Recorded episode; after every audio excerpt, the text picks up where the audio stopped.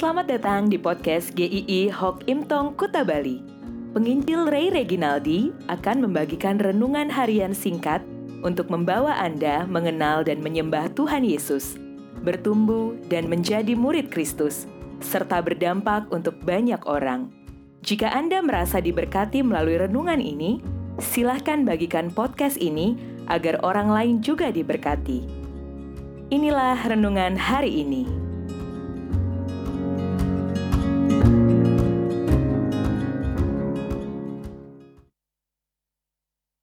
Totalitas.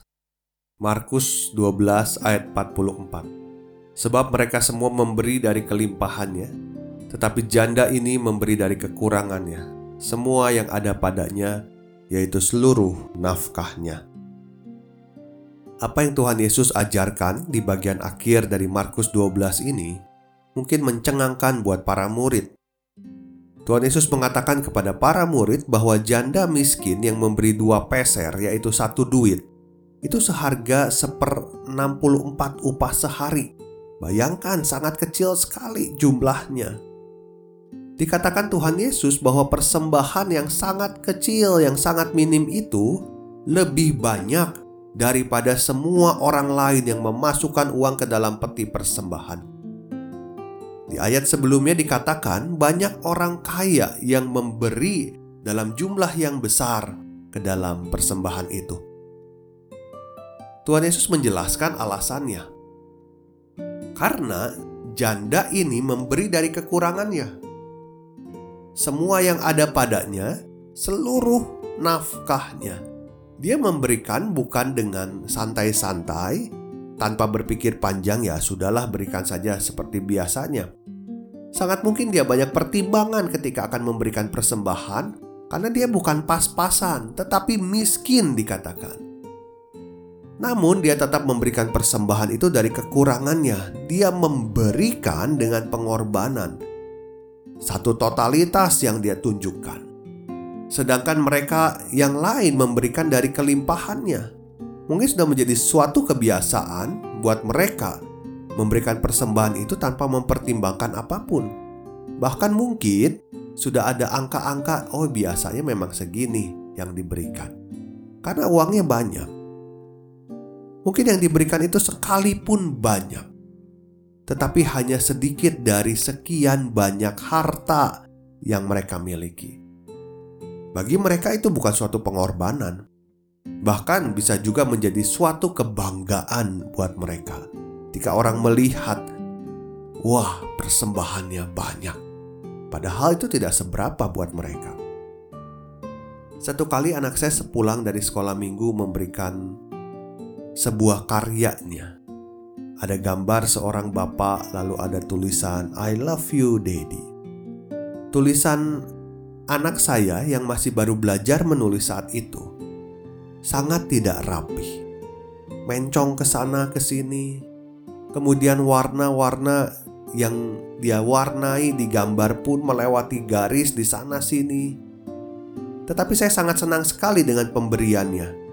Karena dia memberikannya dengan penuh kasih.